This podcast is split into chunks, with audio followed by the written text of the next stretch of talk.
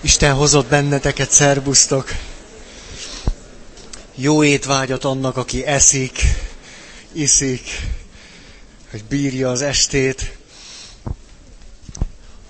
Alice Millernek a, a gondolatait rákcsáljuk, emésztjük, azzal kapcsolatosan, ahogyan ő a nevelést látja, és egészen eljutottunk oda a múlt alkalommal, hogy igyekeztünk leírni az ő gondolatai fölhasználásával, hogy ha a nevelésre stimmel az, amit ő mond, hogy inkább a felnőtt, a szülő szükségleteit bizonyítják, vagy tükrözik az úgynevezett nevelési elvek, nem is annyira talán azok a nevelési elvek, amelyeket tankönyvekben olvashatunk, bár oda is tehetünk néha egy-egy kérdőjelet, hogy ez hogy is van, hanem azok az egészen konkrét, egészen hétköznapos, ott és akkor a szülőkből fölmerülő nevelési elvekről beszélek én.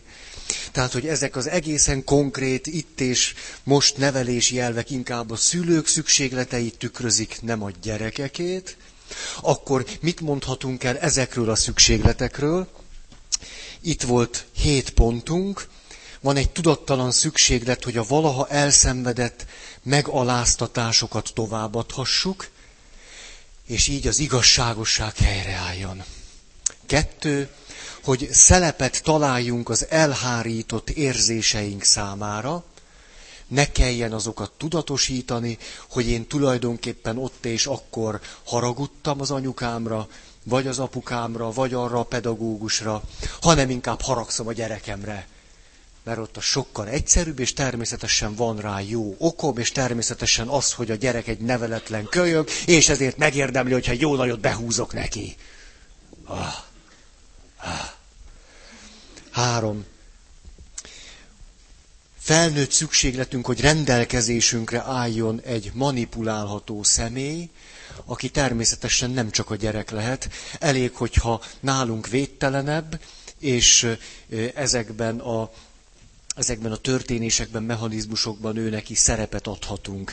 Mégpedig azt, akin kitöltjük majd azt, amit nem engedhettünk meg magunknak megélni, amikor gyerekek voltunk.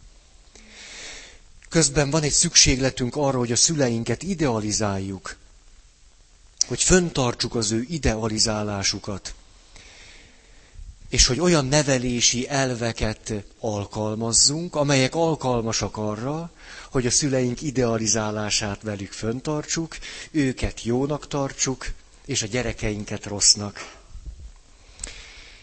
Közben pedig van egy szükségletünk, hogy ne kelljen nagyon szabadnak lenni, ne kelljen meglátni a szabadságunkat, a valódi önmagunkat, mert hiszen azt nem ismerjük. Ezért az rettenetet kelt bennünk. Egy olyan úton kellene akkor mennünk, amelyet nem ismerünk. Ezért tehát ezt próbáljuk megúszni. Tehát félünk a szabadságtól. Azután félünk, hogy az elfolytott tartalmak, emlékek visszatérnek, ezért még fokozottabban motiváltak vagyunk arra, hogy az általunk elfolytott érzéseket, indulatokat, minden egyebet a gyerekeinknél is elfolytsuk és uraljuk. Mert akkor aztán úgy tűnik, hogy sikerült egy olyan világban élni, ahol nem kopogtat be a saját sebzettségünk. Ezért tehát azt ott is akarjuk uralni a gyerekeinknél, nem csak magunknál. És közben pedig lehet egy vágyunk arra, hogy valahogyan bosszút álljunk mindazért, ami velünk történt, miközben, hogy mi éppen most bosszút állunk mindazért, ami velünk történt, az nem tudatos. Csak éppen úgy csináljuk. Ezek voltak a felnőtt szükségletek, és emlékszem utána beszéltünk a megfontolásaink következményeiről az Isten kapcsolatra vonatkozóan.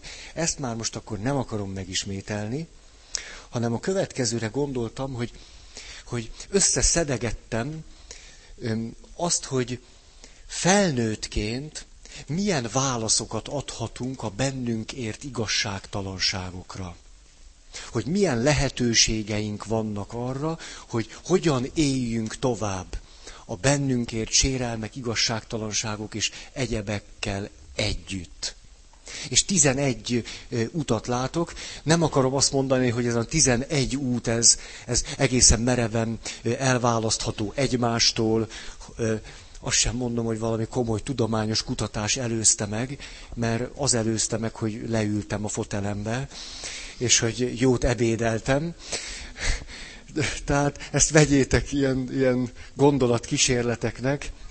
Minden esetre 11-et találtam, és majd próbálnék példákat is mondani. Amit most mondok, egyrészt nagyon foglalkoztat a gyerekkori sérelmeinkből, hogyan próbálunk kijönni, az ott ért igazságtalanságokkal mit kezdünk felnőtt korunkba, de van egy másik irány is, amire ugyanúgy valamiféle megközelítést ad ez a 11 szempont, ez pedig az, hogy az ember úgy általában mit kezd az igazságtalansággal. Hogy úgy általában felnőtt emberként is milyen válaszaink vannak arra, hogy igazságtalanságot követnek el ellenünk. Vagy, hogy igazságtalanság van a Földön. Tehát mind a két irányba lehet gondolkodni, kinek mi ö, szimpatikusabb. Tehát az igazságtalanságra, főképpen az igazságtalanság általi veszteségeinkre, szenvedésünkre milyen válaszokat tudunk adni. Az első, nem akarom ezt, ezt a válaszadást minősíteni, mondjuk az első válaszadás, hogy ripsrops kiszállunk a Berkeley-ből, és dobbantunk ebből a világból, tehát öngyilkosságot követünk el. Ezt nem úgy mondom, mint nem tudom, egy jó lehetőséget, hogy na ez is egy jó tehát hogy szok, nem, mert hogy elmegyünk valahova vásárolni, mondjuk autót veszünk, és rögtön az opciók után érdeklődünk. Tehát itt ezt nem akarom ennyire így mondani, de minden esetre ez is egy lehetőség, nem ajánlom senkinek. De hogy ilyen létezik, ez egész biztos. Hogy valaki előbb-utóbb úgy dönt, hogy ez talán az egyetlen megoldás számára. A, volt egy kedves ismerősöm, együtt dolgoztam vele szociális, nem tudom én miként. Egy nagyon-nagyon rendes űrge volt, és mindenki a csodájára járt, hogy hogy lehet az, hogy valaki egy állami nevelő intézetben fölnőve, úgy, hogy sem az apja, sem az anyja őt nem akarta, később egy szeretett szolgálatnál ennyire jófej munkatárs legyen. Ő volt az, akit úgy általában példának hoztak arra, hogy hát látjátok, hát látjátok, hogy mit tud az ember, hogy micsoda sérelmek, fájdalmak, elutasítottság, és mi után is, hogy hogy, hogy, hogy, hogy, hogy lehet élni, és másoknak segíteni, és, és hát látjátok. És aztán egy óriási fordulatot hozott az ő életébe az, hogy lett egy lány, akivel kölcsönös szerelembe estek, és a szerelmet házasságkötés követte. És a házasságkötést pedig azt követte, hogy megszületett az első gyermekük. És a külső szemlélő számára ennek a fiúnak az élete a lehető legjobb irányba állt, és volt munkája, és volt családja, minden, amilyen neki nem lehetett, és, és volt már gyereke és felesége, aki őt szerette, és, és volt, volt hol lakniuk, szóval hogy az egész egy, egy ilyen sikertörténet lett volna, ha pont akkor, amikor a külső szemlélő legkevésbé várta volna, ez a fiatalember nem ült volna be az autóba, és nem ment volna neki tudatosan a fának. Csak hogy ez a fiatalember ezt csinálta.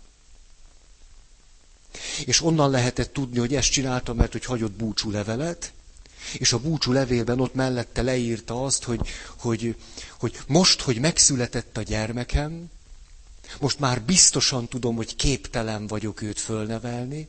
Eddig még valahogy azt gondoltam magamról, hogy hát valahogy csak tudok élni. Ameddig csak segíteni kellett másoknak, azt gondoltam, na hát azért ez még megy. Mikor, mikor megházasodtam, már kezdtem nagyon kételkedni abban, hogy egyáltalán képes leszek én, én normálisan élni, de hogy megszületett a gyerekem, most már biztos, hogy nem tudok. Hogy ez már most számomra akkora teher, amit nem bírok elviselni. Mert hogy biztosan érzem azt, hogy képtelen vagyok arra, hogy a gyermekemnek valódi apja lehessek, mert hogy én nekem sem volt valódi apám, hogy, hogy most már azt is tudom, hogy, hogy, hogy ha csak feleségem lett volna, és csak férnek kellett volna lenni, az talán, de hogy apának is férnek is, ezt én biztosan nem fogom tudni. És amikor mi kívülről azt gondoltuk volna, hogy az élet ott, ott, ott, ott, ott nyer valamiféle igazolást, akkor ő azt mondta, hogy én akkor most kiszállok. Hm. A szexuális bántalmazások áldozatai is. Lehet, hogy nem rögtön, lehet, hogy később úgy döntenek, hogy az életüknek nincs értelme, és inkább elmennek koncentrációs táborból is tudjuk azt, hogy, hogy minden nehézség nélkül eljuthat valaki oda, hogy, hogy inkább kiszáll ebből az egészből. A, öm, jaj, hogy hívják a... Jaj, a Placid atya. A Placid atya azt mondja, leghamarabb azok haltak meg, akik képtelenek voltak attól a gondolattól szabadulni, hogy ők áldozatok, és velük súlyos igazságtalanság történt. Olvassátok el a könyvét, ott van benne. Olyan valaki írja, aki lehúzta a maga uszkve tíz évét a gulágon, az lehet, hogy tizenegy vagy kilenc, most nem tudom pontosan. Azt mondta, akik, akik elkezdtek ezen rágódni, hogy ez hogy történhetett meg velem, ez akkora piszokság, igazságtalanság, ők fölszámolták magukat belül. Azt mondta, e, ő nagyon, mondjuk a gulág után átélt egy csomó kemény dolgot, úgyhogy tud ilyen, egy, egy, egy zseniális valaki, érdemes őt hallgatni, meg megismerni, e, tud ilyen nagyon egyszerű, elég hegyes mondatokat mondani. Azt mondja, a gulágon az embernek ilyesmire nem szabad gondolni hogy ő vele igazságtalanság történt. Nem ez kívülről, hogy hangzik, tehát mint hogy valaki megbolondult volna, nem? Hát, hát mi másra gondolnék a gulágon, mikor egyszerűen azért, mert pap vagyok, elvisznek oda. Hát, mintha, hát az egész erről szól. De azt, hogy ilyesmire ez tilos gondolni. És hogy ebben az ő óriási bölcsessége van. Tehát, hogy az igazságtalanságba ilyeténképp bele lehet halni. Az apukám pilóta volt, és ezt mi, hogy derülsz ezen, ezt minden alkalommal elmondom, hogy miért.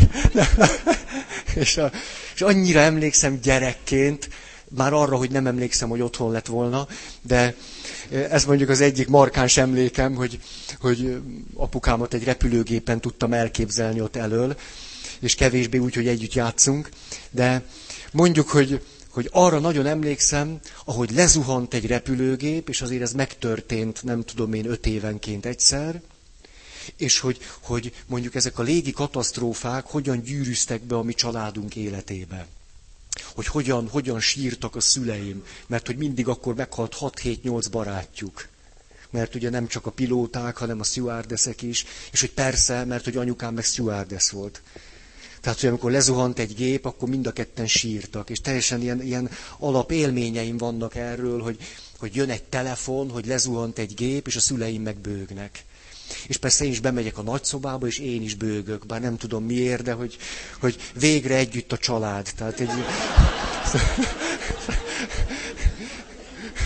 és, és ebben a közös érzés, érzékben, vagy nem tudom mi érzésben valami mi tudatom kezd kialakulni. Tehát, na jó, szóval, de erre teljesen emlékszem, hogy a zöld kanapén sírok, és, a, és senkit se ismerek azokból, akik éppen meghaltak. De arra jól emlékszem, hogy volt egy, volt egy valaki, aki ott meghal, és, és többször volt nálunk látogatóban, vendégségben, akkor már tíz éves kor fölött voltam, tehát emlékszem rá, és hogy, hogy a felesége nem bírja megemészteni hogy ez történhetett, hogy ez lehetetlen, hogy gyönyörű házasságban élünk, hogy szeretjük egymást, hogy egyszerűen sehonnan nem vezethető le az, hogy az ő férjével ez történjen. Tehát, hogy egyszerűen nem tudott szabadulni attól a gondolattól, hogy ez egyszerűen igazságtalan, hogy ennek, tehát nem tud olyan gondolatot, ami, amire azt tudná mondani, hogy hát ez azért történt, mert, vagy hogy azért történhetett, mert. És, a, és amikor á, és átéli ezt, hogy ez egyszerűen úgy igazságtalan, ahogy van, hogy ennek így nem, nem lehetett volna megtörténni, akkor belül nem tudatosan úgy dönt, hogy az életének egyszerűen vége van. És, és emlékszem, mert hogy, hogy hogy apukám is, meg anyukám is próbáltak lelket önteni belé. Ez milyen érdekes, amikor valaki úgy dönt, hogy a lelke már meghalt. Tehát még teste van, de a lelke már meghalt, és hogy kívülről próbálnak bele egy lelket önteni. Hát ez nem nagyon szokott sikerülni. És, és a... De jó, hogy visszajöttél. Tényleg az öngyilkosságnál mentél ki, tudod, és...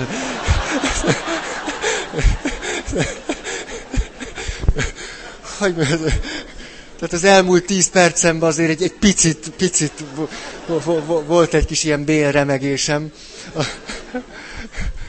Na, szóval, és hogy emlékszem, ahogy, ahogy ez a nő, mert hogy, hogy újból és újból a szülei meghívják hozzánk, hogy hát valahogy hát, ha nálunk valami lélek öntődik bele, nálunk. Na mindegy, szóval és hogy, hogy, hogy e- előttem van ennek a nőnek az alakja, aki, aki hónapról hónapra egyre soványabb. Nem jött ki belőle, hogy, hogy megölje magát, de nem evett. Tehát egyszerűen, jaj, de jó, köszönöm. Szeretem.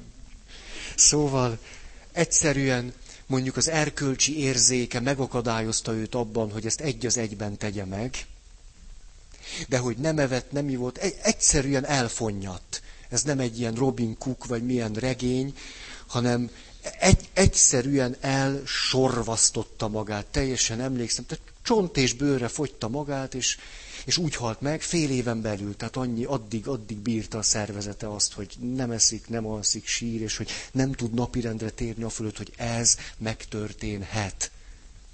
És azért is emlékszem ő rájuk nagyon, mert hogy azután a férfinek mind a két szülője élt még, az apukája meg az anyukája.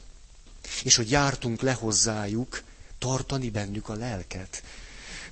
Ez egy ilyen, nem tudom, ilyen sajátos örökség.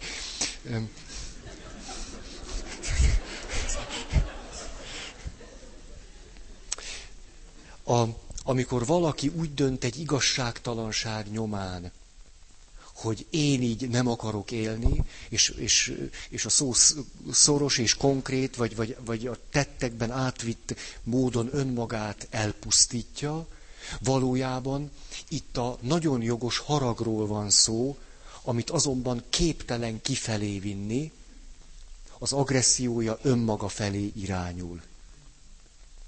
Erről van tulajdonképpen szó. Tehát, hogy nagyon is van harag nagyon is van harag, és ez a harag nagyon is jól használható lenne arra, hogy ő éljen. A harag azért van, hogy az embert megerősítse, és van egy akadály, azon átmenjünk. Nagyon egyszerűen emlékeztek, négy éve beszéltünk erről. Na,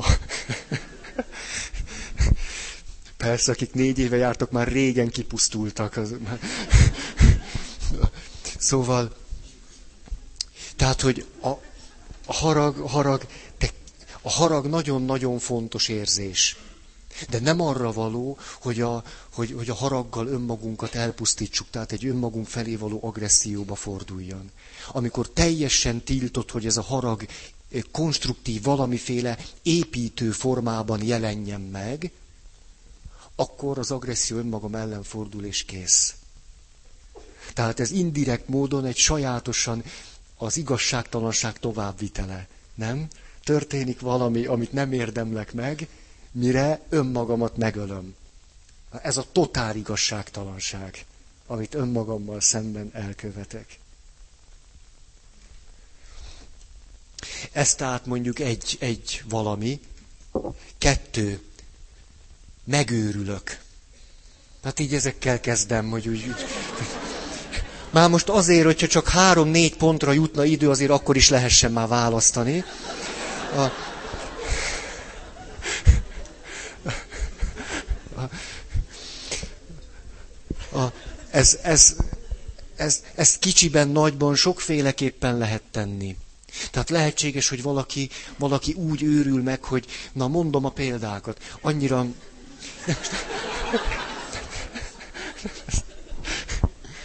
A, pedig, na, nem, nem, nem, na, lehet, hogy velem valami baj van, majd elgondolkozom este, mikor megyek el, de hogy hát ezeket nem, tehát, hogy jó, így, így, tehát próbálom emészthető formában átadni valami ilyesmihez. Csak, hogy, hogy a helyzet komolyságát akarom mondani, hogy igenis az igazságtalanságból ez, ez következik, vagy következhet. Hogy itt nincs, ezt nem, nem lehet eltagadni. Például a, ö, ilyen post-trauma, vagy hogy mondják, post-trau, post, post sok utáni trauma, post tra, traumás sok utáni post, tehát jó, tehát ezt jobban tudjátok. Tehát, hogy valami nagy baj történik valakivel, és utána még nagyobb bajba kerül, tehát ez tulajdonképpen. A, na, hogy, hogy amikor Londont bombázzák, akkor, akkor írja le egy szerző, aki, mert hogy ezt a második világháború után kezdték el nagyon kutatni, és aztán a vietnámi háború után is nagyon, és akkor aztán mindenféle természeti katasztrófák meg mi, hogy hogy is van ez, hogy a katona helytál kap 25 plecsnit, és utána képtelen visszailleszkedni, és nem bír aludni, és hát ezer dolog van vele. A, Na és akkor ott, ott az első ilyen leírások a második világháború után történnek, amennyire én tudom, legalábbis amikor tudományos hát érzékenységgel, módszerekkel kezdik ezt. És ezeket miért mondom így? Hát kutyát se érdekel, mondjad már a lényeget. Hát. Szóval, és akkor írja le ez a, ez a kutató, aki ezzel a tudományággal, hogy, hogy lebombáznak egy házat, de tényleg, hogy ne, ne, hogy, ez, hogy lebombáznak egy házat, és akkor, hogy a túlélők mit tesznek. És akkor, hogy a túlélőkkel kezd el foglalkozni, és az derül ki, hogy azok a túlélők, akik zokognak, dühöngenek, sírnak, nem lehet őket elhurcolni a, a, az elhunyt szerettük mellől, akik, akik, akik neki bármi ilyesmit tesznek, azok sokkal hamarabb fölépülnek, akik pedig látszólag ilyen, ilyen, ilyen közönnyel, hittel, nem tudom én mivel fogadják ezt, azok járnak sokkal-sokkal rosszabbul, mert ők, ők a sokkot nem merik magukhoz közelengedni. És akkor leír egy anyát, aki a halott gyermekének a babáját szorongatja a karjában. És ilyen és őrült tekintettel mászkál ott, ott, ott, ott a ház előtt, a lerombolt ház előtt, és keresi a lányát. És a kezében van a halott babájának, a halott gyermekének a babája. Tehát az, hogy egy, egy igazságtalanságra az őrület a válasz, ez lehet, lehet egészen konkrét és rögtön megtérténő. Lehetnek, lehetnek finomabb ö, ö, módozatai. Mondok egy másikat, Leng apó, a következő történetet meséli. Egyszer egy nő fönt alszik az ágyában, egy polgári házra kell gondolni, egészségedre. És a, a hálószobában alszik az ágyban, és egyszer csak ilyen neszezés, zajt hall, és akkor fölébred, és meg, meglepődve veszi észre, hogy nincsen mellette a férje, akivel még együtt feküdt le aludni és hát nem tudja, hogy mi ez, és megy, kimegy a hálószobából, és lenéz a, a, a, a korlátról, ott a lépcső tetejéről, és azt látja, hogy a felesége éppen egy mesztelen nőn fekszik, és az nem ő. A férje. Mit mondtam? Hm. Már három nő lenne a történetben, ugye? Jó, sok munkám lesz este. Szóval, tehát a nő látja, hogy a férje egy mesztelen nőn fekszik. És, és hát egy ilyen, egy ilyen ösztönös pozdulatta, vagy mivel egy ilyen lekiált, hogy, hogy, hogy, hogy ki ez? Hát ez, ez egy ilyen helyzetben nem kell okosat kérdezni. Tehát egy, tehát egy ilyen helyzet, ami jön, hadd szóljon. És a, és hát ki, ki ez? És a férje onnan a kanapéról fölnéz, és azt mondja, vízesés.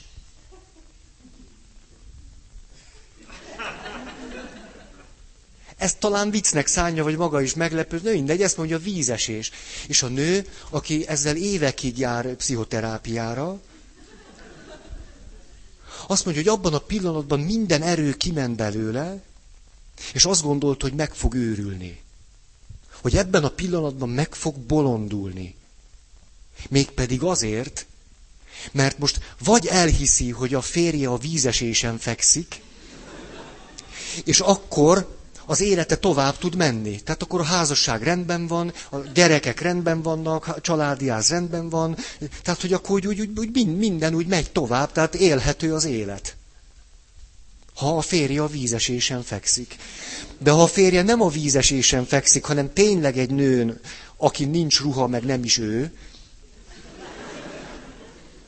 akkor minden, ak, ak, tehát akkor, akkor az, az egész valóságról alkotott elképzelése darabjaira tört. Tehát ha e, értitek, tehát ha, ha hiszek abban, amit látok és hallok, akkor vége az életemnek, ezt éli meg belül. Ha viszont elhiszi, hogy a vízes, és akkor nincs vége az életemnek. De akkor is vége van az életemnek, mert ettől a pillanattól kezdve nem hihetek sem a a szememnek, sem a fülemnek, sem a bőrömnek, semminek. Többé nem hihetek magamnak. Tehát akkor is megőrülök. Megvan ez a dilemma? Tehát, ne, tehát egyszer mindenképp megőrülök.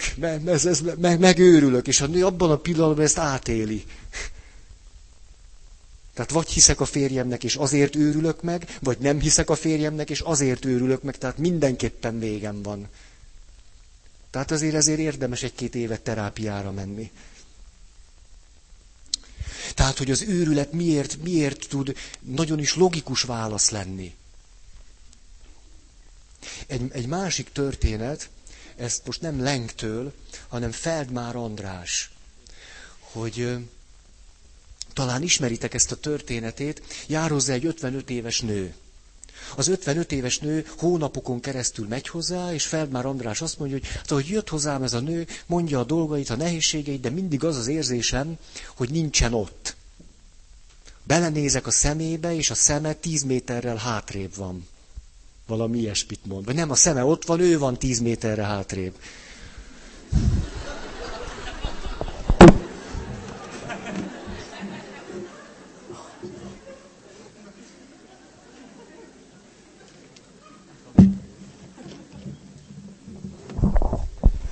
Tudom, miért vagyok ilyen. Nem, most képzeljétek el, nem is tudom.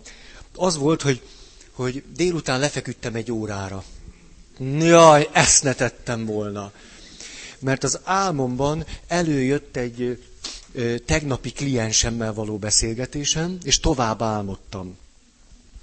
És, és az álomban, ez tehát mikor fölébredtem, ez annyira megterhelt, annyira tele van a fejem azzal, ahogyan sikerült egy, egy, órá, egy újabb órát adnom a kliensnek. A... Tehát ő azt gondolt, hogy hétfőn volt nálam, de most elmondanám neked, hogy kedden is voltál délután egy óráig. És hogy, hogy, hogy amikor ő volt velem, tehát úgy, úgy 3D, 3D, az sokkal könnyebb volt nekem. De e, e, ez az egy órás álom, ez teljesen kikészített. Teljesen, tehát úgy megterhelt, hogy, hogy, hogy be van zsibbadva a fejem tőle. Ez, ez, ez van, és egyszer nem bírtam kijönni belőle. Nem, nem, nem bírtam kijönni. Tudjátok, ez van, hogyha... Szóval ilyen van. Na, hát itt van, és ezért nem, nem az, az agyamnak egy, egy része teljesen ott, ott, ott fekszik az ágyban, és így megy, megy benne ez a történet. Van értelme, mert ilyenkor az álomban olyan, ö, olyan dolgok jönnek elő, amikre egyébként nem jönnék rá. Hát rájöttem, hogy mit nem csináltam jól, egyfelől, és rájöttem, hogy mi a kulcsa a történetnek. De ez közben annyira megterhelt, hogy na ez van velem most, tehát ezért tényleg Szóval belül még, még egy olyan belső munka megy most, amit ti nem láttok, de az, ez, az megy, és nem bírom leállítani. Ugye pont úgy, mint az álmot. Hogy az megy, a lélek akkor ott dolgozódik, és ez, ez folytatódott bennem. Na ez van, ezért vagyok ilyen. Ja, tehát De ez miért ilyen kedvesen? Ez... Jó, ez miért? Azt ilyen kedvesen, te nagyon drága vagy, az kár, hogy nem látjátok hátul az arcát. Azt mondja, lehet, hogy megőrültél. Ez a...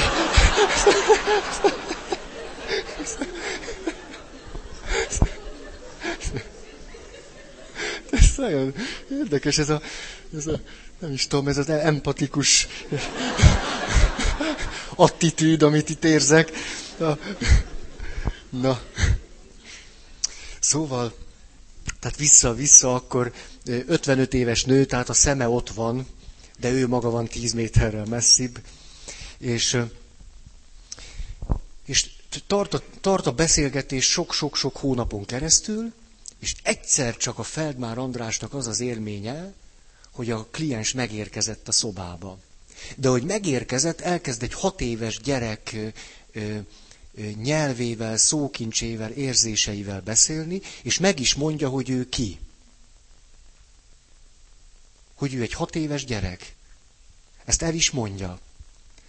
És évekig folyik úgy a terápia, hogy nagyon gyakran megérkezik az 55 éves nő, és egyszer csak vált, és a hat éves fiúval lehet beszélgetni. És a hat éves fiú el tudja mondani azt, hogy milyen döbbenetes sérelmek érték. Mit mondtam? Mit? Mondjátok, nem értem. Hat... Ja, ezen csodálkoztok. Na, ez nem az én hibám, mert tényleg így van. Nem, tényleg így van, jól mondtam, tehát 5 éves, 55 éves nő, 6 éves fiú, fiú. Annak megvan az oka, hogy miért fiú. Mert azonosult a fiú testvérével. Azért a 6 éves fiú.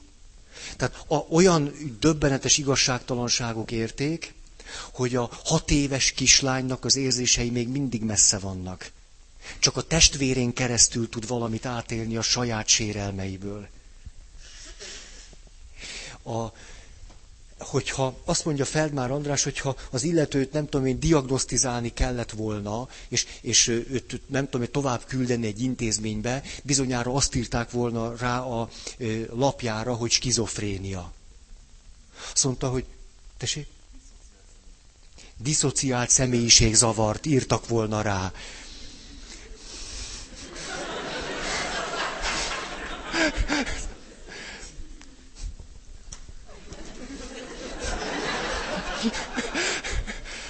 Hát azt hiszem nyugdíjba megyek.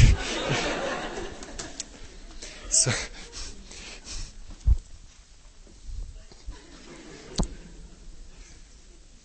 No jó.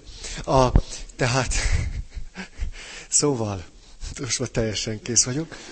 A, a, de nem könnyű az élet. A, szóval, öm, van egy, egy, egy gyönyörű része ennek a történetnek, mikor azt mondja, hogy mikor rájöttem arra, hogy amiről azt gondoltam eddig, hogy nincs, hogy egy valakiben két ember van, két, nem tudom én mi, eddig azt gondoltam, hogy ilyen nincs, de most úgy látom, úgy tapasztalom, hogy van. Akkor az első gondolatom az az lett volna, hogy megyek, leveszek egy könyvet, és megnézem, hogy mit kell csinálni egy ilyen beteggel. És hogy ment a könyvespolchoz, rájött, hogy az, hogy ő most menne és levenné a könyvet a könyvespolcról, ez arról szól, hogy ő zavarba jött. De vajon jó ennek a hat éves kisfiúnak, most Alice Millert idézem, hogy nevelési elvek mankójára támaszkodjanak vele kapcsolatban. És azt mondja, hogy rájöttem arra, ha levenném a könyvet a polcról, akkor természetesen nagyon okos dolgokat kapnék, de lehet, hogy sosem érteném meg a kisfiút. Mert akkor kezelni és bánni akarnék ezzel a kisfiúval, ahelyett, hogy őt kérdezném meg, hogy mi van veled. Ezért nem veszi le a polcról a szakirodalmat, hanem inkább tovább beszélget a kisfiúval. A történetnek szép vége van, mert a hat éves kisfiú, meg az 55 éves nő szép lassan találkoznak, és, és lesz valami közös én.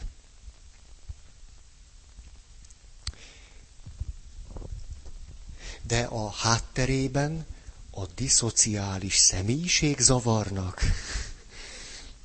a megpróbáltatások, igazságtalanságok és egyebek állnak. Tehát adhatjuk a, a, a megőrülést is, mint választ az igazságtalanságokra. Hármas. Dönthetünk úgy, hogy az igazság megszállottjaivá válunk. Sokan döntenek így. Politikusokon lehet néha látni, hogy ilyen igazság megszállottja lett. Papokon láttam ilyet. Igazság megszállottja. Ha valaki az igazság megszállottja lesz, azt azért nagyon súlyos árat kell fizetni. Egyrészt sosem lehet igazán önmagánál, meg sosem lehet igazán a másiknál. Egy igazság megszállottja nem engedheti meg magának azt, hogy együttérző legyen. Az igazság megszállottja, emlékeztek, nagyon közel van az okoskodóhoz. Se közel nincs önmagához, se közel nincs a másikhoz, egy valami érdekli a kontextus, hogy mi az igazság. Akit mondjuk, mondjuk a felesége beszél arról, hogy, hogy, hogy tudod, amikor, amikor reggel, reggel azt, azt mondtad nekem, hogy, hogy, hogy te rohadék, dögölj meg, hogy az nekem nagyon fájt. Mire a férfi azt mondja, én nem ezt mondtam. Azt mondtam, te rohadt, dögölj meg.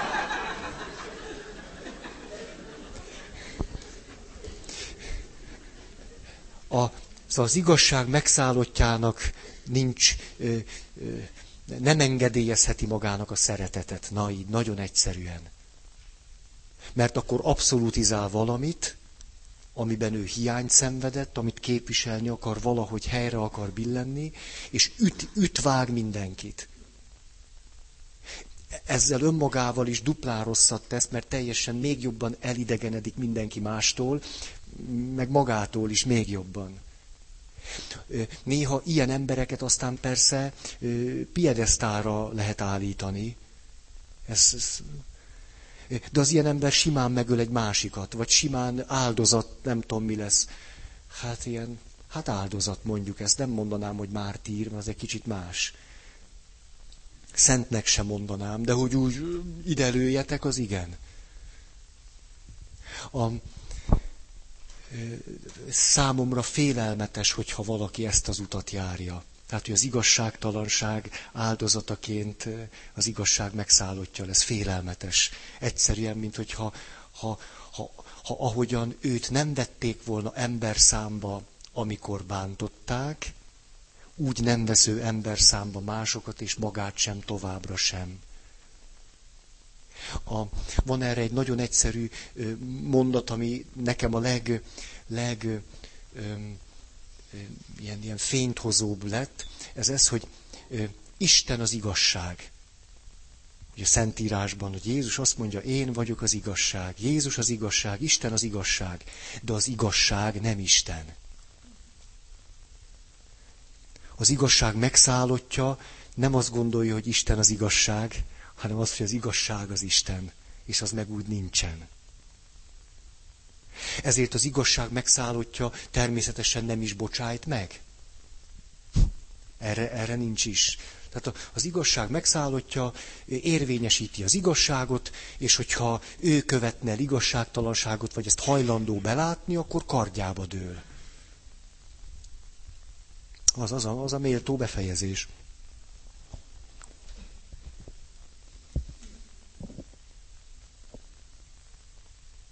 Oké, okay. az igazság megszállottja, aztán gyakran persze bezáródik az én igazságomba. Tehát, hogy valójában ott már ki tudja, hogy mi az igazság. De ő neki mindig van egy elképzelése az igazságról, és azt átveri bárkin.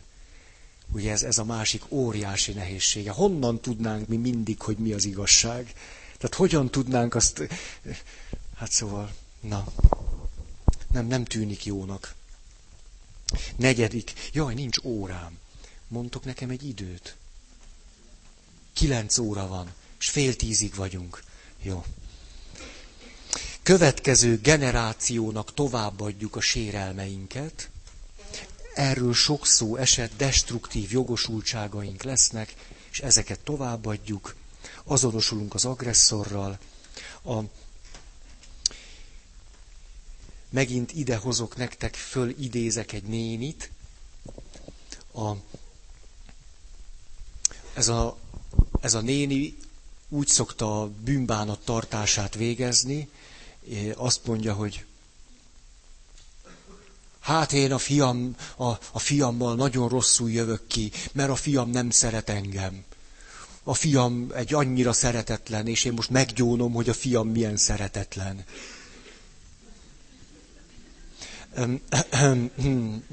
És a kedves Brünnhilda néni, akkor azt mondja, én kedves Brünnhilda néni, én, hát, hát azt elismerem, hogy, hogy, hogy hát megvertem én a fiam, hát megaláztam, hát megszégyenítettem, hát megbüntettem, nem képes fölfogni, hogy az érdekében csináltam.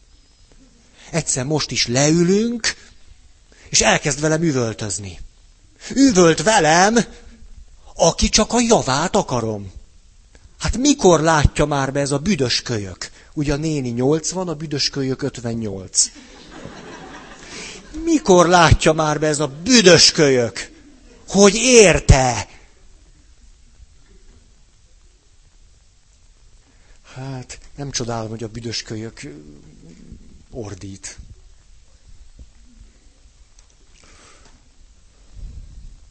Igen, és a múlt alkalommal ennek a logikájáról már beszéltem. Azért kell védtelen, ártatlan áldozatot keresni, olyat, aki nem tudja visszaadni, mert akkor így érezzük magunkat egyensúlyban. Egészségedre. Ez a tél, már látszik, ez a prüsszögtök, fújkáltok. Öt. Bosszút állni. Ez klasszikus. Aztán persze a bosszúállásnak rengeteg verziója van. Nyílt bosszú, rejtett bosszú. Nagyon-nagyon-nagyon rejtett bosszú. Bosszúcska. Azért mondom ezt így, mert na, ugye ezt nem minden bosszú, ami annak látszik, ennek a fordítottja szokott igaz lenni, hogy sok minden, ami nem látszik, annak az az az az, az az, csak hát ez az én képemben nem fér el. Hogy én bosszút állni, de hát sose lennék képes rá. Oh, dehogy nem. A, bosszút állni, az helyrehozza az igazságtalanságot. Helyrehozza. Lábjegyzet, csak egy újabb igazságtalanság is következik belőle. Az a baj. Tehát nem szakad meg a lánc, hanem tovább megy. A, a bosszú bemutattak most egy amerikai filmet. Színes. Széles vásznú. És klasszikusan, színesben, széles vásznúan 125. filmet sikerült megnéznem arról, hogy azt hiszem ez a Judy Fosteres film, biztos tudjátok mi a címe, hogy a nagy szeretetben mennek a parkban sétáltatva a kutyát ideális amerikai párként, és akkor a csúnya férfiak megölik a, a férfit. Jól mondtam, itt van, jól mondtam. Nem magukat ölik meg, hanem a csúnya férfiak a, a soha főhőssé nem váló férfit. Mert ugye, hogy meghal az elején, tehát nem, nem tud főhős lenni. Öm, és ugye, jól mondom, Judy Foster? Na jó van, láttátok. Hogy érdemese megnézni. Hát, a Judy Fostert, vagy ki? A, na és, és hát miről szólna a 125. amerikai filme? Erről, hogy, hogy hát pró, próbál valamit kezdeni magával, mi hogy igazság, mit lehet csinálni, ilyen megoldás, olyan, és végül a, a, a nagy megoldás, bosszút kell állni. Ugye, és akkor erről szól, és akkor bosszút áll, és a néző azonosul, hogy tényleg azért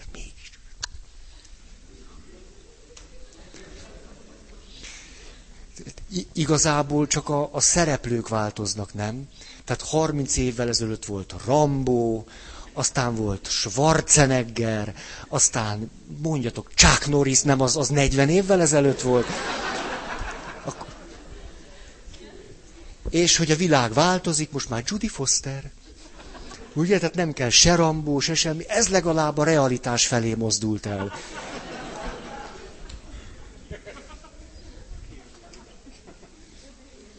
A, itt egy, egy, egy, a nők nagyon tudnak bosszút állni. Fú. Hát csak, csak mondom, mondom, a, a bosszúállás között inkább, inkább a stratégiában van különbség, mert a szocializáció más. Tehát, ha egy férfi bosszút áll, akkor, akkor hős lesz, nem? Hát nem, hát vagy, vagy meggazdagodik, mint, Hát, hát nem, hát hogy hát Rambó 28, ezt, ezt el lehetett adni 28-ba, és utána a Svarci 28, és Tíridim. A, ha egy nő bosszút áll, ne, ez annyira csúnya, ezért a nő megtanult, hogy csak sundán-bundán.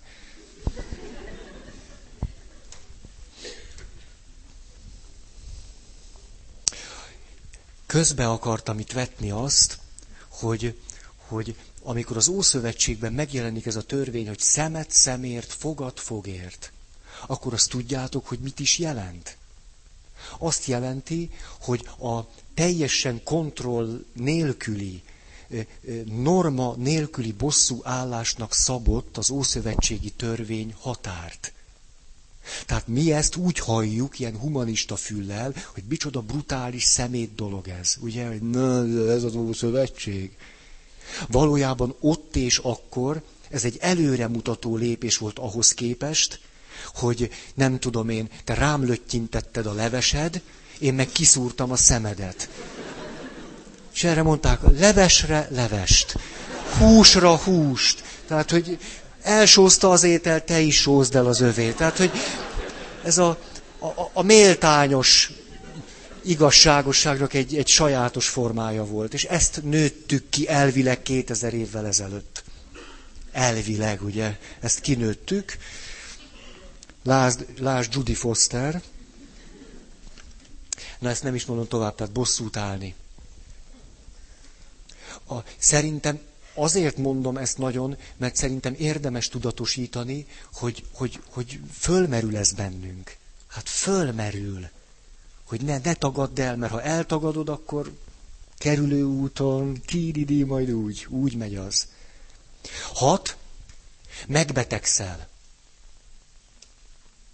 Az igazságtalanságot átélve megbetegszel, itt most elsősorban testi betegségekre gondolok. Tehát a lélek valamennyire még húzza, nyúzza, a test teljesen kipurcan rengetegféle betegséget lehet, és azt is tudjuk, hogy a baleset, akármilyen furcsán is hangzik, a baleset ugyanúgy pszichoszomatikus, mint bármi más. A baleset. A balesetben rengeteg minden benne van. Tehát sokkal, hogy mondjam, sokkal gyorsabb, mint mondjuk egy lassú nem tudom én mi, nátha. Annál sok, sokkal célra vezetőbb, gyorsabb. Ez természetesen egészen odáig mehet, itt egy picit a, a, a rejtett öngyilkosság, hogy az ember egyszerűen a betegségébe belepusztul. A, a betegségnek sokszor a rejtett dilemmája a következő, kitáruljak el. Tehát velem szemben történt igazságtalanság, ha azt mondjuk a szüleim vagy számomra fontos, engem egyébként a maguk módján szerető személyek követik el, akkor egy gyerek, ha lázadna ez ellen, vagy ezt próbálná kideríteni, föltárni, kifejezni, kimondani, jóvátételt kérni, vagy legalább, hogy ismerjék el, hogy ez történt, úgy éli meg, hogy ezzel elárulja a szüleit.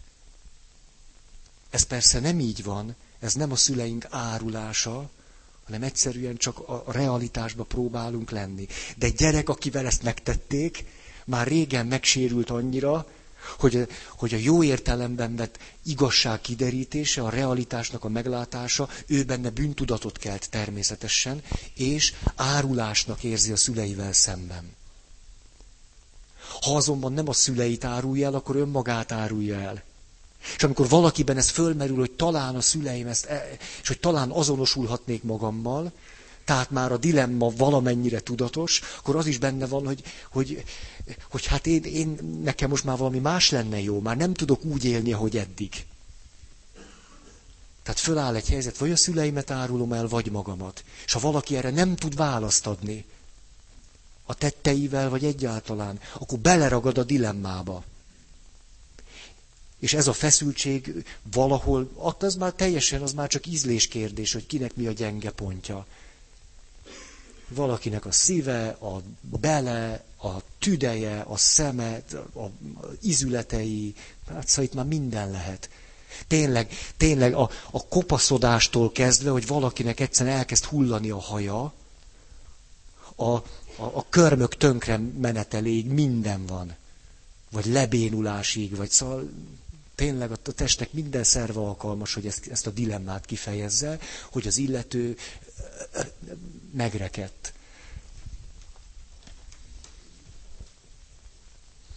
Hét. Egy életen keresztül másokat okolni, és az életemért felelőssé tenni. Egy életen keresztül másokat okolni és életemért felelőssé tenni, ez azt jelenti, hogy itt megint egy, egy sajátos hátteret látok, akivel szemben nagyon nagy igazságtalanságokat követtek el, főleg gyerekkorban, ő azt gondolja, hogy ennek ő oka, emlékeztek, elhiszi, hogy ő a rossz, és hogy a büntetés azért van, mert ő azt megérdemli, mert rosszat tett, ezért tehát ő önmagát felelőssé teszi olyasmiért, amiért nem felelős. Egy csecsemő nem tud felelős lenni azért, mert az anyukája őt elhanyagolja. Ezért, és egy gyerek rengeteg mindenért nem felelős. De egy ilyen közegben ő önmagát felelőssé teszi, azonban ez annyira nyomasztó, hogy a későbbiekben minden másért már másokat tesz felelőssé, mert ott ezt már megengedheti magának. Ezért a saját életéért az itt és mostban nem vállal felelősséget, ha valaki a legegyszerűbb dologgal szembesíti, hogy de hát, de hát most miért kiabálsz velem? Én nem kiabálok, te húztál föl engem, ne szemtelenkedj, ugye ez történik. Tehát ő már a jelenben semmiért sem felelős. Ha merné közelengedni magához azt, hogy ő ott és akkor nem volt felelős, ami persze egy óriási megterhelést jelent, akkor tudna jelenben felelős lenni önmagáért, itt és most. De mert, és így, így, így jön létre valamiféle sajátos egyensúly, valami sajátos igazságosság.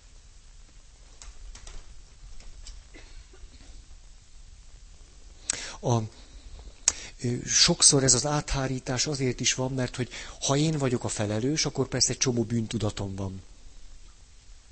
És a bűntudatomtól úgy szabadulok, hogy másokat okolok érte. Igen. A, például itt a hit nagyon sokat tud segíteni.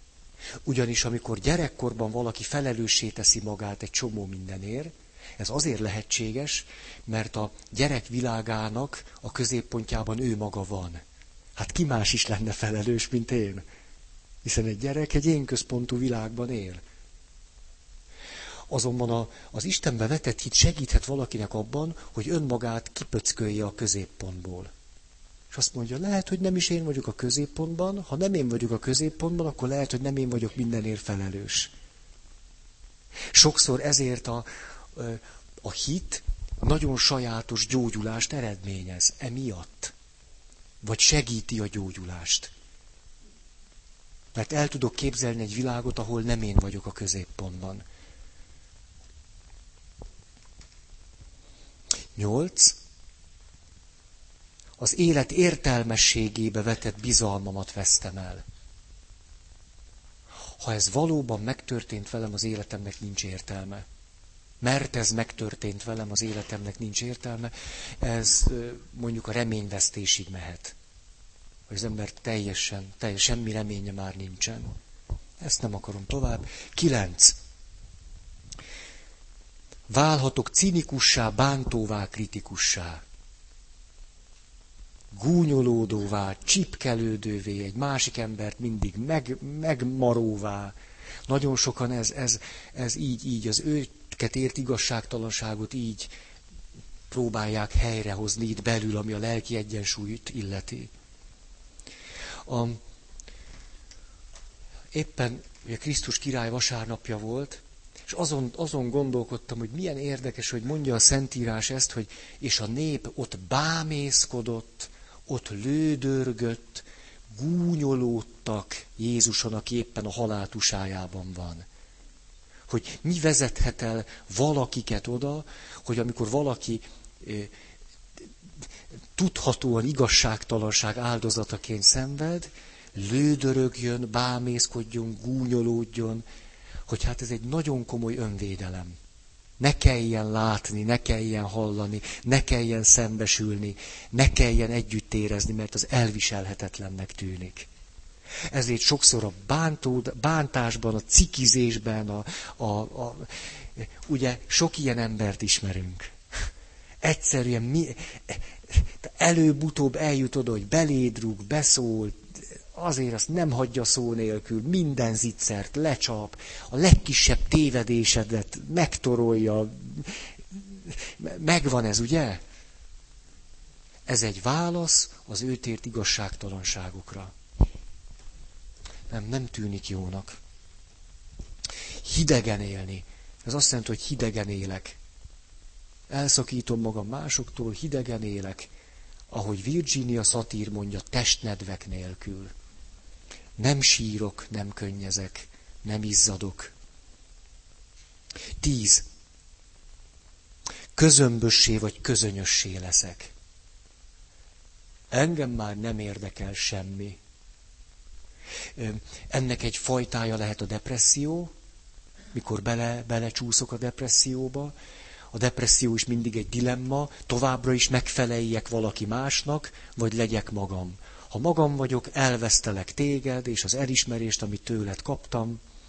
Ha viszont ragaszkodok az elismeréshez, a környezetem, nem tudom, igellő hozzámállásához, akkor elvesztem magamat. Tehát mindenképpen vesztek, és amikor ezt a veszteséget nem, nem tudom, hát akkor a depresszió nagyon jó kifejezi ezt a tehetetlenséget. Nem, nem tudok tovább menni. Itt a, amikor valaki a tehetetlenségben ragad, ez együtt jár a, a gyásznak a hiányával. Ha el tudnám siratni, meg tudnám gyászolni, akkor tovább tudnék lépni. De az illető nem tud, nem, nem, nem, nem tud elereszteni. Ezért megreked. A, sokszor egy, egy egy óriási szabadságot az hoz, hogy valaki rájön arra, hogy nem érdemes megpróbálni mindenkinek megfelelni. Óriási szabadságot tud ez hozni. Rengeteg ember így jön ki a teljes tehetetlenségből és ön, önmarcangolásból, hogy elmeri engedni azt, hogy valaki őt nem szereti. Már hogy elmeri engedni azt, hogy, hogy, hogy őt mindenki szeresse, és hogy ez megtörténhessen hogy valaki csúnyán néz rá, és ettől nem dől össze a világ. Hogy valakinek azt mondja, hogy nem, és ezután lehet élni. Hú, ez nagy dolog. Hogy, hogy kiállok magamért, és ez a másikban dühöt szül. Hát szüljön. Ó, mikor ezt valaki meri, meri tartani, ezt élni, egyszer csak megszűnik a depresszió. Most nagyon-nagyon egyszerűen. De az is lehet, hogy akkor szűnik meg, ha rájövök arra, hogy, hogy tulajdonképpen egy akaratos kisgyerek tombol bennem. Aki nem képes elengedni azt, hogy én ezt így akarom. ugye, és mert nem úgy megy a világ, hogy ahogy ezt én akarom, akkor ugye, akkor besötétedik az égbolt. Most ezt nagyon leegyszerűsítettem. Hát.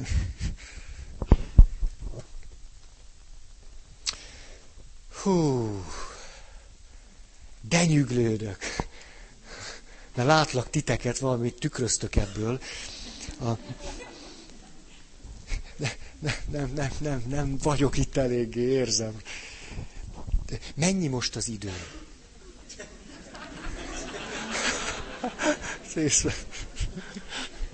Na, 11.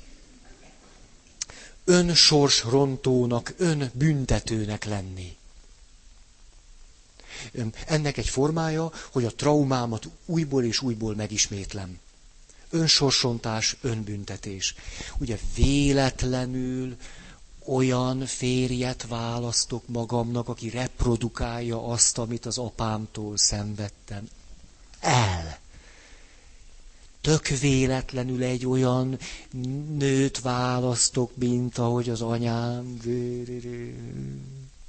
Ez ismerős? Tehát nem, nem, nem oldódik föl ez az igazságtalanság, hanem reprodukálódik. Megyek és viszek to, viszem ezt tovább, teljesen tudattalan motivumoktól vezetve. És még rosszabbul vagyok, és még. Ez, ez az önsorsontás lehet teljesen, teljesen olyan, hogy, hogy olyan szinte észrevétlen, valahogy mindig csak úgy tűnik kívül, hogy az illető annyira szerencsétlen, háttérben inkább egy, egy önbüntetés van, és lehet egészen direkt és köz, közvetlen. Tehát ö, megint egy, egy Feldmár Andrásnak egy története jut eszembe, ahol egy nő például önmagát vagdosta.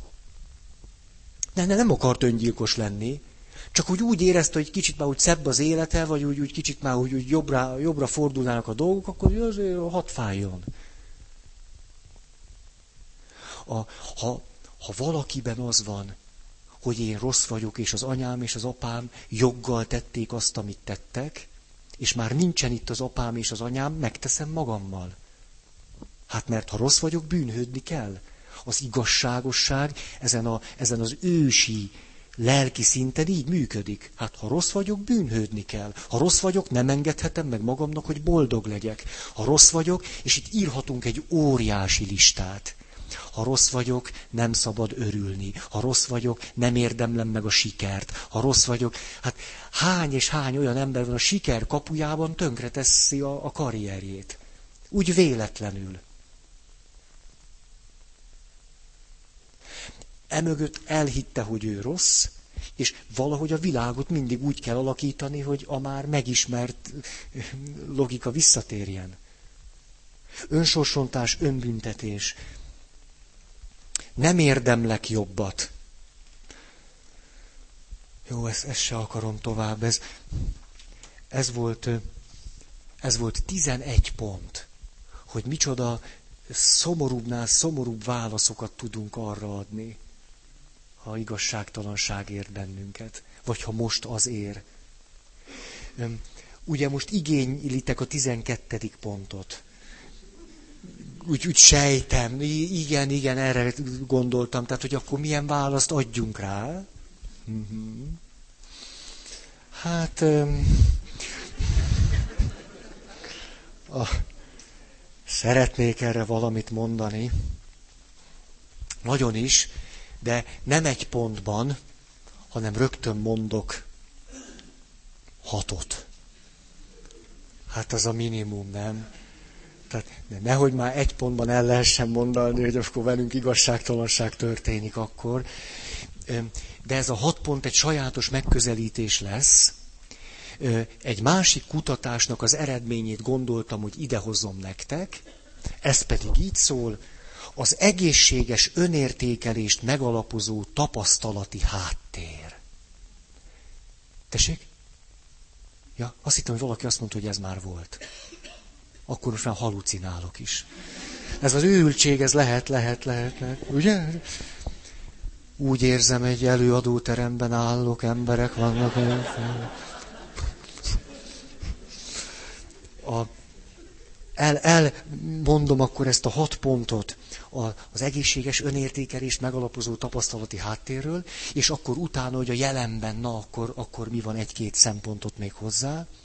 A, azért akarom ezt idehozni, mert emlékeztek, ahonnan indultunk, hogy Virginia Satir szerint az önértékelés és az önbecsülés súlyos hiánya vezet oda, hogy nem tudunk hitelesen kommunikálni, ami csak tünete annak, hogy nem tudunk hitelesek lenni, a hitelesség pedig azt jelenti, hogy tudok önmagammal a legbelsőbb valakivel, aki itt van, azonos lenni.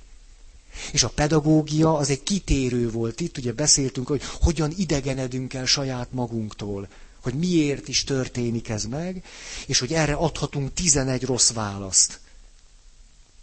Hogy most milyen lenne a pozitív háttér, és aztán, hogy ha ez nem is volt, akkor, akkor mi tévők legyünk. És én ebben nem kezdek bele. Vagy kezdjek? Ne, de ez most kér... Tudjátok mit? Elmondok egy szép történetet, legalább, mégiscsak, mégiscsak. Egyetlen pontot akkor, nem mondom végig a pontot, csak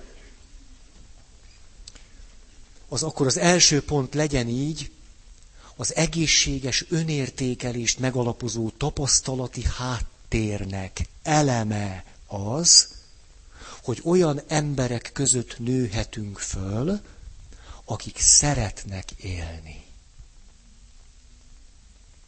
És nem tudom, hogy most dühösek lettetek rám, hogy egy ilyen banalitást mondok, hogy szeretnek élni. És erről szeretnék majd néhány történetet mondani. A, ú, Na, most kedvem lett tovább folytatni, látjátok, erre volt szükségem, most már, hogy a, úgy, hogy Polc Alen nemrég halt meg. Beszéltem róla múltkor nektek? Nem? És bekapcsolom a rádiót, és ö, ö, interjút közvetített ö, a, a rádió, az, azzal a valakivel, akit Polc Alen arra kért meg, hogy az ő spirituális kísérését végezze. Azt mondta, nagyon sokan vannak, akik szeretnek, rokonok, de hogy, hogy szeretnék a, fölkészülni az oda átmenetelre, spirituális kísérés, és ettől a nőtől kérdezték, nem beszéltem nektek -e? De. De. Hogy? Zinger Magdolna. Áldassék a neve. Attól még mondom, na, és, a, és azt kérdezte a riporter tőle, hogy, hogy na, úgy halta meg Polc Alen, ahogy tanította, hogy érdemes meghalni. Elég ilyen. De ott se volt gyerekszoba. A, és a, na és akkor, akkor azt, azt mondja ez a, a Magdolna, hogy hát szó mi szó, Polc Alán a halálával is adott nekem egy nagyon nagy ajándékot. Megtanultam különbséget tenni a között, hogy valaki fél a haláltól, vagy hogy szeret élni. Azt mondta, Polca lent, mikor kérdeztem, hogy most akar-e így imádkozni, meg úgy zsoltározni, meg nem tudom mi, hát kevésbé akart, mint ahogy gondoltam volna. Tehát inkább beszélgetett, zenét hallgatott, nem tudom mi, azt úgy inkább. És akkor, hogy ő benne az volt, ezt mondja ebben a riportban, hogy kezdtem megrémülni, hogy te jó ég, hát fél a haláltól. Fél a halált, hárítja a halált. És aztán, ahogy egymás után jött, hogy, hogy mit akar csinálni egy héttel, egy hónappal, nem tudom én, a halála előtt, akkor rájöttem, hogy nem a haláltól fél, hanem szeret élni. Tehát, hogy még a halál torkában is szeret élni. És hogy óriási különbség, hogy valaki fél a haláltól, vagy hogy valaki szeret élni. És hogy aztán, ahogy végül elment, az igazolta azt, hogy itt nem egy, egy, egy, egy rettenetről, egy félelemről volt szó halállal szemben, hanem hogy az utolsó pillanatig szeretett élni. Hogy ez milyen óriási különbség, de kívülről talán félreismerhető, vagy félre nézhető. Ez gyönyörű, fú, hú. Azért ez szép, nem? Valaki el, halálról tanít, elmegy, és akkor végül egy ilyet, hogy érdemes élni. Tehát, hogy valaki egész életében a halállal, hát a haldoklókkal törődik, nem a halállal. De hogy ez a végső üzenete, Hogy ameddig az ember itt van, azért azt... Ó, ez nagy üzenet. Hm. Úgy mellesleg mondjuk jó páran megerőszakolták, ugye tudjátok? Tehát mondjuk, hogy, hogy mit jelent az, hogy, hogy véres igazságtalanság valakivel, ő erről tudna mesélni. Na, most akkor valami válaszfélét adtam. Jé. Na, hát ez, ez van. Akkor akar-e valaki hirdetni?